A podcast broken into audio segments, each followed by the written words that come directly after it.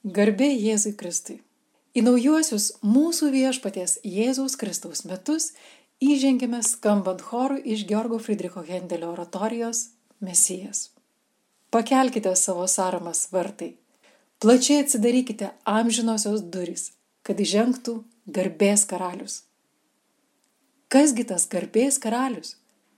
Tai viešpats, stiprus ir narsus, galybių viešpats, jis yra tas garbės karalius. Šiandien tęsime pašnekėsi apie Georgo Friedricho Hendelio gyvenimo istoriją, oratoriją Mesijas ir Dievo išgelbėjimo planą kiekvienam iš mūsų. Priminsiu, apie ką kalbėjome pirmojoje laidoje. Vokiečių kompozitorius Georgas Friedrichas Hendelis, vaikystėje vadintas Wunderkindu, trumpai paragavęs teisės studijų Halės universitete, pasirenka muziko kelią devyniolikos metų sukuria pirmąją operą, kelis metus gyvena ir kuria operos tėvynėje Italijoje, galiausiai šaknis įleidžia Anglijoje. Biografai paskaičiavo, kad čia per 15 metų jam tenka nuo nulio pradėti auginti net tris operos kompanijas, organizuoti jų meninius ir vadybinius procesus, pažinti šlovės aukštumas ir nesėkmės kartelį. Būdamas 52, jis patiria insultą suparalyžiuojama jo dešinioji ranka. Tačiau nepaisant pačių liūdniausių daktarų prognozių, kompozitorius stebuklingai pagyja, patirdamas išgydymo dovaną. Netoli Acheno esančioje katedroje, prisėdęs prie vargonų ir pabandęs jais pagroti, jis džiaugsmingai pareiškia: Aš sugrįžau iš pragaro. Antroji oratorijos dalis prasideda scena atspindinčia Jėzaus kančią nukryžiavimą ir mirties agoniją ant kryžiaus. Tai yra svarbiausia ir ilgiausia scena oratorijoje, pabrėžianti atperkamosios mesijo aukos svarbą. Čia skamba ir ilgiausia oratorijos arija, atliekama alto. Arijos melodika pripildyta skausmingų intonacijų. Gerai įsiklausę išgirsime vis pasikartojančius atodusius Šios arijos pirmoji ir trečioji dalis yra tartum suaustos iš pauzių, simbolizuojančių Kristaus bejėgiškumą ir apleistumą. Vidurinėje arijos dalyje tekstas ir nuotaika keičiasi. Čia taip pat gausų pauzių, tačiau jos pripildytos dramatiškos įtampos. Orkestre pasigirsta nenutrūkstamas aktyvus judėjimas, iliustruojantis smūgius, apie kuriuos kalba pranašas Izaijas trečiojoje kenčiančio tarno giesmėje. Jis buvo paniekintas, žmonių atmestas, skausmų vyras, negalę pažinęs. Jis atsuko nugarą į plakantiems, atkišo žandus raunantiems jam barzdą, nuo užgauliojimo ir spjūvių neslėpė veido.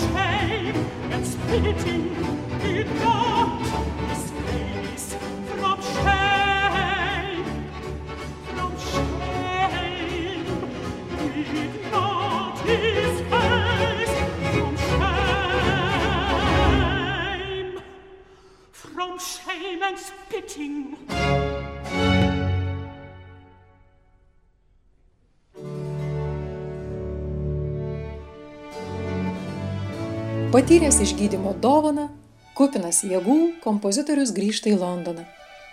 Ir čia pasijunta galutinai sugniuždytas ir pralaimėjęs.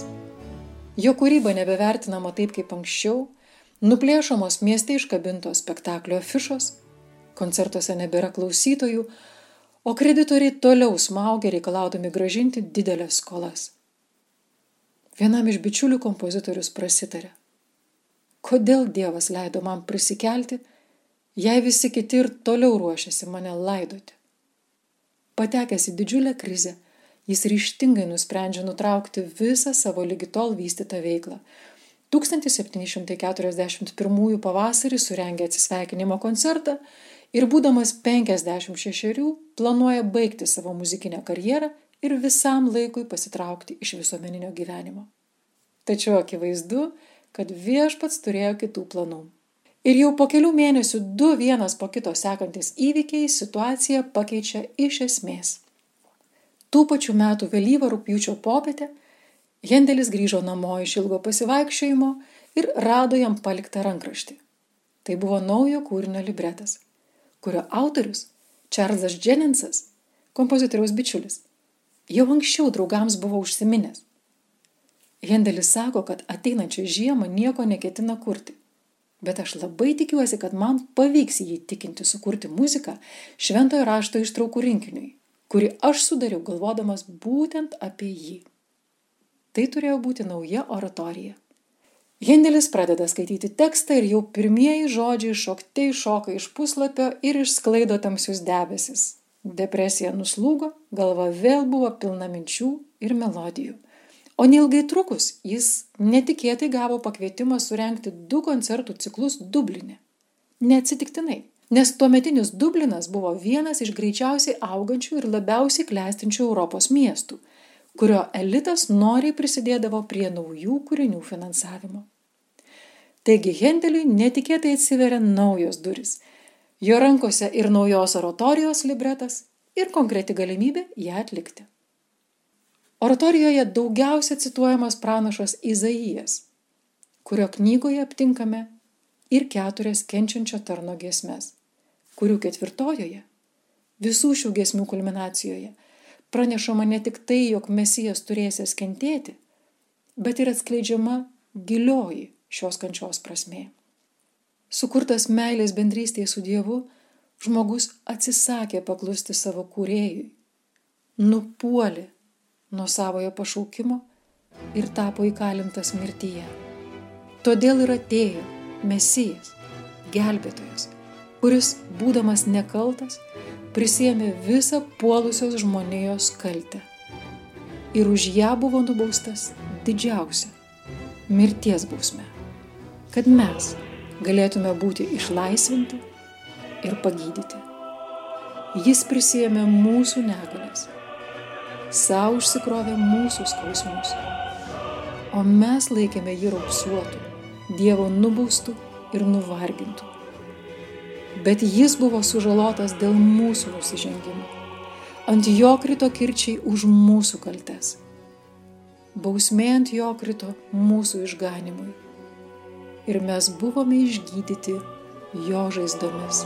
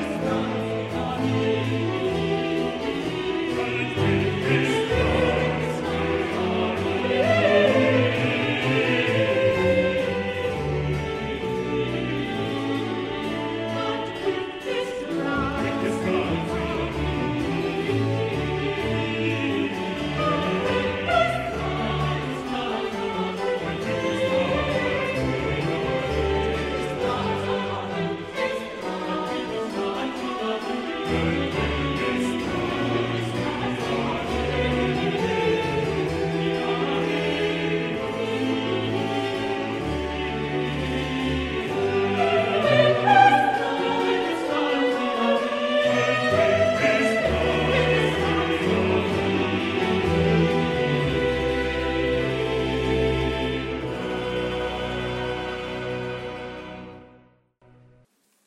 Hendelis karštlygiškai imasi darbo.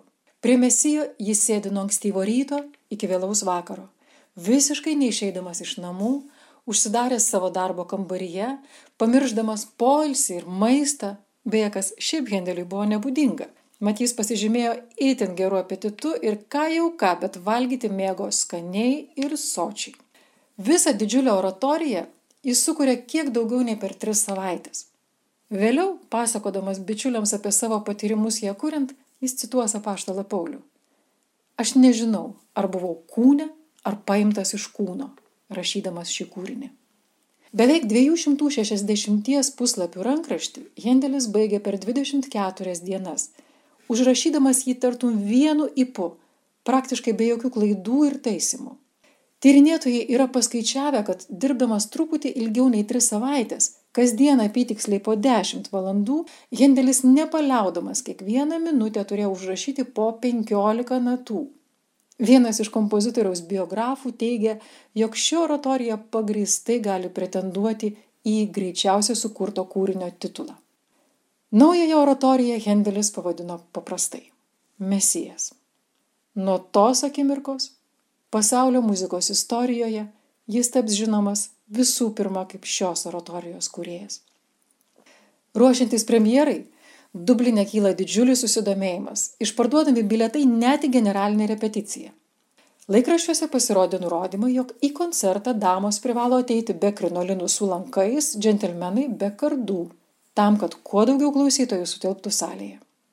Oratorijos premjera įvyko 1742 balandžio 13.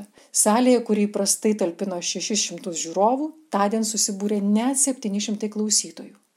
400 svarų surinkti už koncertą buvo paskirti kelioms šalpoms organizacijoms, ligoninėms, o taip pat nuo kalėjimo išgelbėjo 142 skolininkus. Greitai Hendelio populiarumas vėl nepaprastai išaugo. Jis pats labai mėgo šią oratoriją ir kiek įmanoma stengiasi ją diriguoti. Per mesijo koncertus buvo surinkami tūkstančiai svarų. Kompozitoriaus nurodymų visas pelnas gautas iš visų oratorijos atlikimų turėjo būti skiriamas kaliniams, našlaičiams ir ligonėms. Aš pats buvau labai ligotas ir dabar esu išgydytas. Aš buvau kalinys ir dabar esu laisvas sakė kompozitorius. O kad niekas kitas negalėtų pasipelnyti iš oratorijos atlikimo, jam esant gyvam buvo uždrausta spausdinti partitūrą ar jos ištraukas.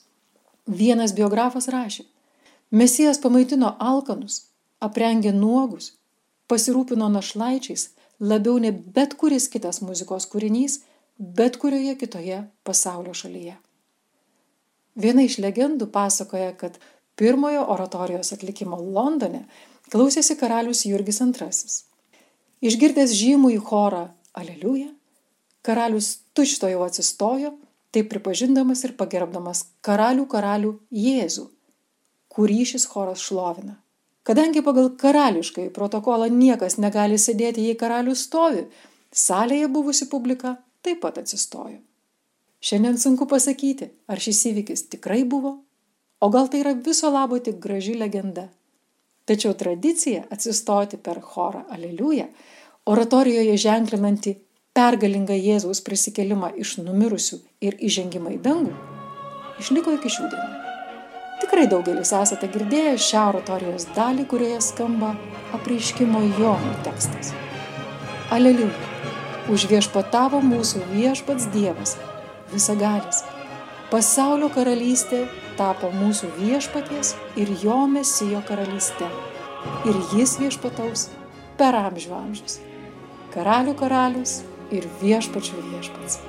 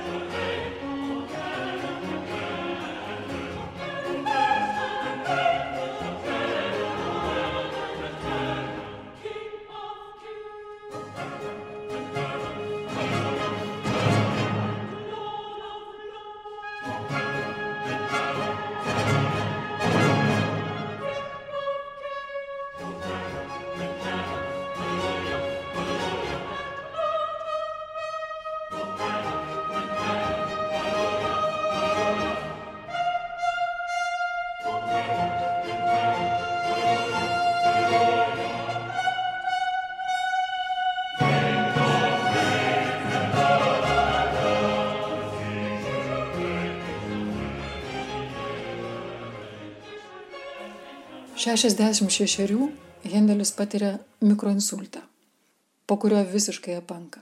Tačiau ir tuomet jis nepasiduoda. Kiekvieną sekmadienį eina į artimiausią bažnyčią, kur klupodamas praleidžia visas pamaldas. 74 gavėnios metu, jau būdamas silpnos veikatos, jis vis dar veržėsi į sceną diriguoti Mesijo karališkajame teatre Covent Gardene. Tartum nujausdamas, kad žemėje jam buvo likusios vos aštuonios dienos. Likus kelioms dienoms iki mirties, jis sudarė galutinį testamentą, davė paskutinius nurodymus, atsisveikino su draugais, o tada paprašė, kad visi paliktų jį vieną. Tai buvo ypatingas Hendelio troškimas. Giliausias jo tikėjimo išpažinimas. Noriu likti vienas ir mirti didįjį penktadienį, kad draugė su geruoju Dievu ir viešpačiu sulaukčiau savo prisikelimo dienos. Ir šis troškimas išsipildė. Mirė jis visiškai vienas. Naktį į didįjį šeštadienį 1759 balandžio 14. Georgo Friedricho Hendelio palaikai palaidoti Westminsterio abatijoje. Ant kapinėje statuloje pavaizduotas pats kompozitorius rankoje laikantis rankraštį su išrašytu vienos iš savo mėgstamiausių arijų tekstu. Pasakojama, kad būtent šiuo žodžius jis kartoja paskutinėsias savo žemiškosios kelionės dienas. Neveltui. Ši arija yra prasminis visos oratorijos centras. Aš žinau, kad mano atpirkėjas gyvas galų gale jis pakils kaip liudytojas žemėje. Net tada, kai lyga bus suėdusi mano odą, dar savo kūnę regėsiu Dievą. Bet dabar Kristus tikrai yra prikeltas iš numirusiųjų, kaip užmigusiųjų pirmgimis.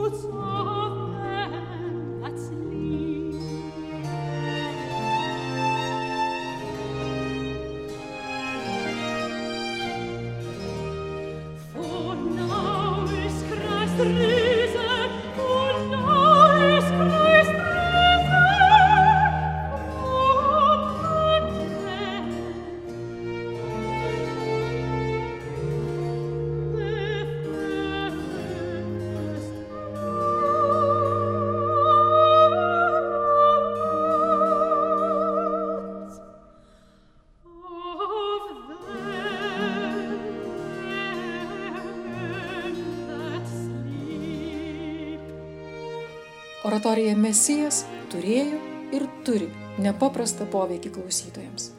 Geriausiai jį įvardina paties kompozitoriaus žodžiai.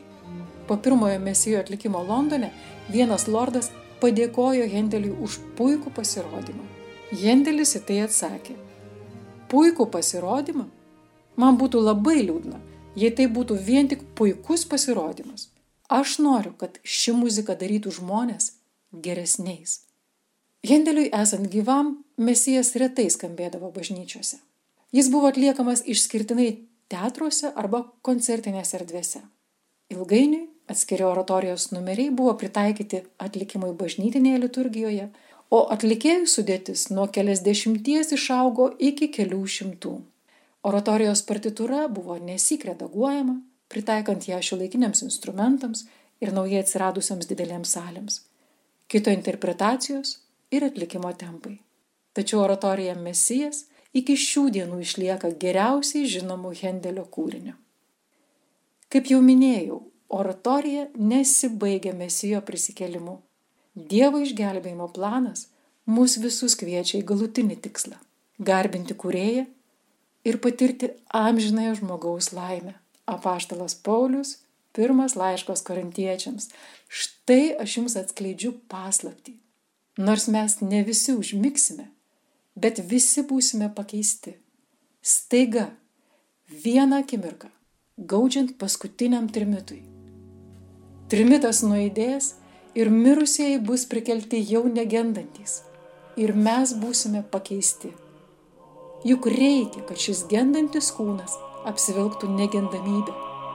Šis marus kūnas apsivilktų nemarybę.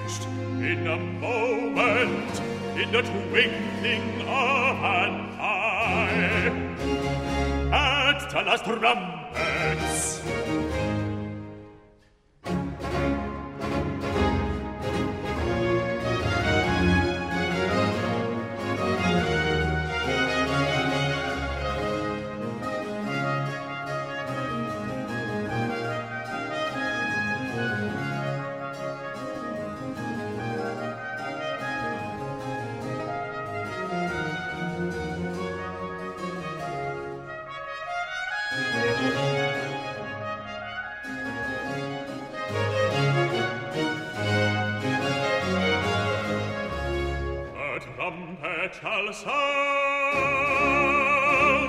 and the dead shall be raised, and the dead shall be raised incorruptible.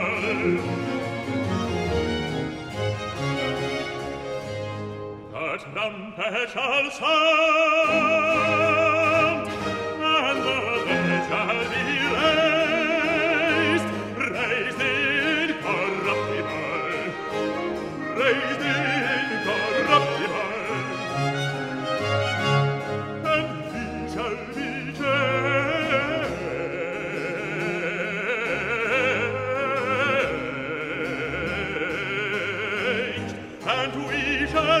change.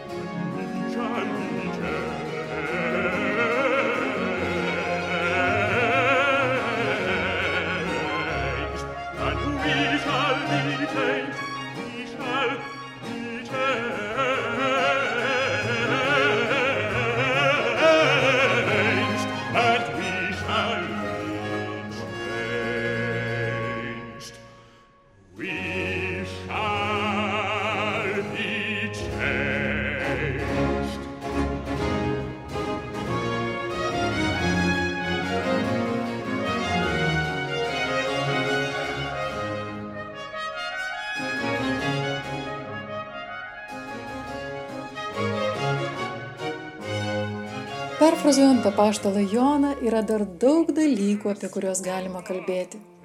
O ir muzikinė medžiaga yra kur kas platesnė, nei galėjome jums parodyti.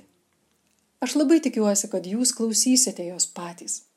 Klausysite ir mąstysite apie Dievo meilę ir jo gailestingumą. Apie tai, kad Mesijas, gelbėtojas, pamilęs žmogų tapo bejėgių kūdikiu, apsivilkdamas visą mūsų žmogiškumą. Jis vaikščiojo mūsų keliais, jis pažino mūsų rūpešius ir džiaugsmus. Jis žino, ką reiškia būti atstumtam, patirti vienatvės skausmą ir galiausiai mirti siaubingą mirtimi. Bet svarbiausia, mylėdamas žmogų, jis, būdamas visiškai nekaltas, sutiko vietoje mūsų būti įkalintas mirtyje ir sumokėti visą kainą už mūsų padarytas kaltes. Kad per jo mirtį ir prisikėlimą iš numirusių tau ir man vėl būtų atvertas kelias į Dievo kurėjo meilės pilnatvę. Tam, kad mūsų žmogiškumo tamsoje nušvistų amžinojo gyvenimo viltis ir vieną dieną draugė su miriadų miriadais ir tūkstančių tūkstančiais galėtume drauge gėdoti vertas avinėlis, kuris buvo nužudytas ir atpirko Dievui savo krauju žmonės. Vertas imti valdžią ir turtus, ir išminti, ir galybę, ir pagarbą, ir šlovę, ir gyrių. Sėdinčiam soste ir avinėliui, tebūnie gyrius ir pagarba, ir šlovė, ir valdžia per amžių amžius. Amen.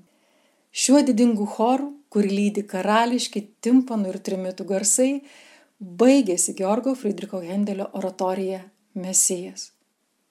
Ir būtent tokia yra šlovinga visos žmonijos išgelbėjimo istorijos pabaiga.